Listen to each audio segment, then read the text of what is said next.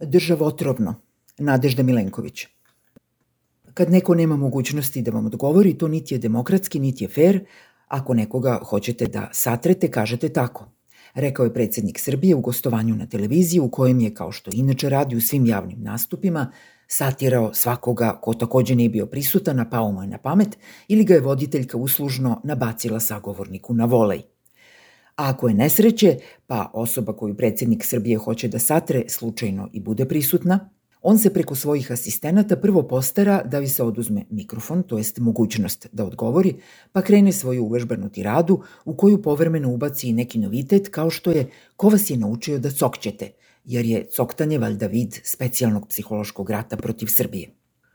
Dobro, znamo da mu nije potreban nikakav poseban povod za držanje lekcija o demokratiji, pristojnosti i lepim manirima, ali je ipak neobično da mu je za ovu konkretnu zamerku, nije fair što mi niste dali mogućnost da vam odgovorim, pa ću to morati da učinim hiljadu puta, poslužila TV emisija koja baš i započinje saopštenjem da je uredno pozvan i uredno odbio gostovanje.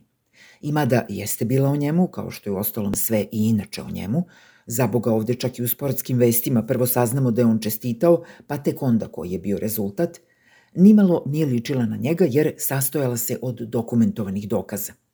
Ali koga briga za dokaze? Oni čak ni u našim sudovima nemaju baš neku težinu.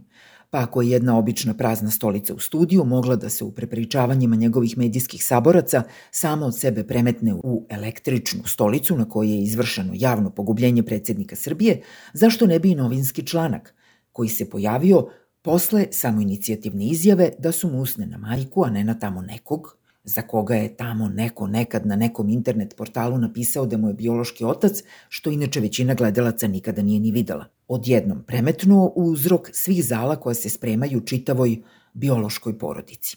Nije to kao da je hronološki redosled bitan, pa da je važno što je prvo predsednik Srbije rekao komu nije otac, a tek onda novine objavile tekst o tom čoveku, pa zatim svi iz vlasti navalili na sve koji nisu vlast, da ih satru bez mogućnosti da odgovore. Zamislite šta bi tek bilo da predsednik Srbije nije na vreme upozorio da je takvo ponašanje nedemokratsko i nefer, ili da, ne daj Bože, nije predsednik svih građana, nego tek samo jedan od zvaničnih nosilaca izbornih lista.